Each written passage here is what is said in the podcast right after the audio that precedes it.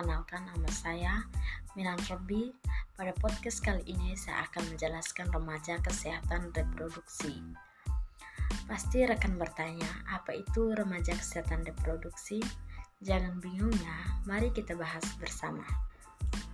Masa remaja merupakan tahap kehidupan yang paling kompleks, baik pada remaja itu sendiri maupun orang tua yang memiliki anak remaja.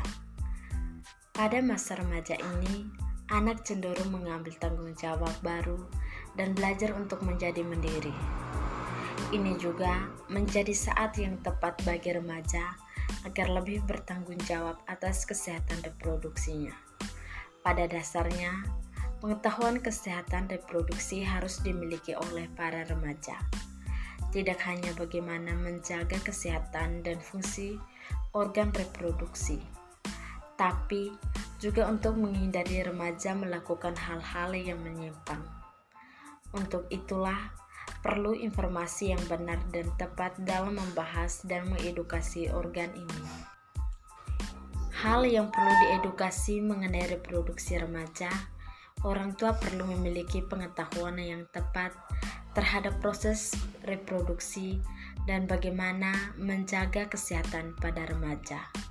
Dengan begitu, remaja diharapkan mampu bertanggung jawab pada tubuhnya sendiri, khususnya tentang proses reproduksi, sehingga ia dapat berpikir sebelum melakukan hal yang merugikan dirinya sendiri.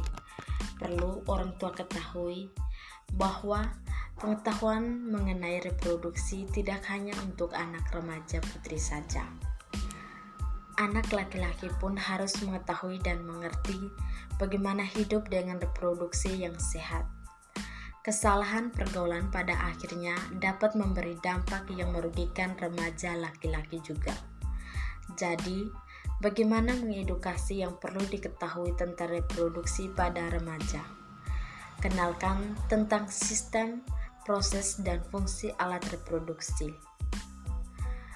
Coba untuk memberikan informasi yang sesuai dengan kesiapan dan usia anak.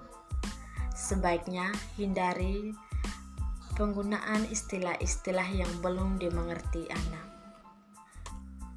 Karena dikhawatirkan maknanya menjadi kabur.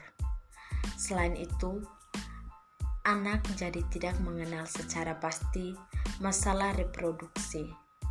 Kenalkan apa saja risiko penyakit yang mengintai. Topik ini sebaiknya sudah mulai dikenalkan dan disampaikan pada anak yang sudah remaja, apalagi yang beranjak dewasa.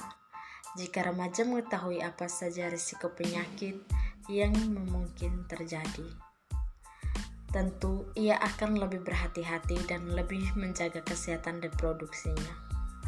Penting untuk remaja tahu mengenai hak-hak reproduksi yang dimilikinya. Di samping itu, remaja perlu mengetahui tentang kekerasan seksual yang mungkin terjadi, apa saja jenisnya, dan bagaimana cara mencegah agar tidak terjadi. Peran orang tua dalam mengedukasi kesehatan reproduksi pada remaja. Menurut Organisasi Kesehatan Dunia, WHO, remaja adalah orang yang berusia 12 tahun hingga 24 tahun. Masa ini merupakan transisi dari kanak-kanak menjadi dewasa. Artinya, proses pengenalan dan pengetahuan reproduksi seharusnya sudah dimulai pada masa ini. Reproduksi dapat diartikan sebagai proses kehidupan manusia dalam menghasilkan kembali keturunan.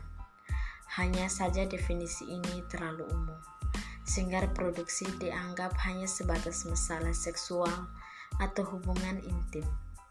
Akibatnya, banyak orang tua yang merasa tidak nyaman atau canggung ketika membahas topik ini pada anak remaja.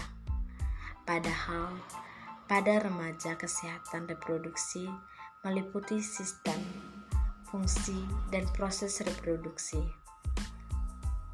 Jika edukasi yang berkaitan dengan reproduksi kurang didapatkan remaja, situasi ini dapat memicu terjadinya peristiwa yang tidak diinginkan. Salah satu masalah yang sering terjadi akibat kurangnya sosialisasi dan edukasi tentang kesehatan reproduksi remaja adalah terjadinya penyakit seksual menular, kehamilan di usia muda, hingga aborsi yang akibat pada hilangnya nyawa remaja.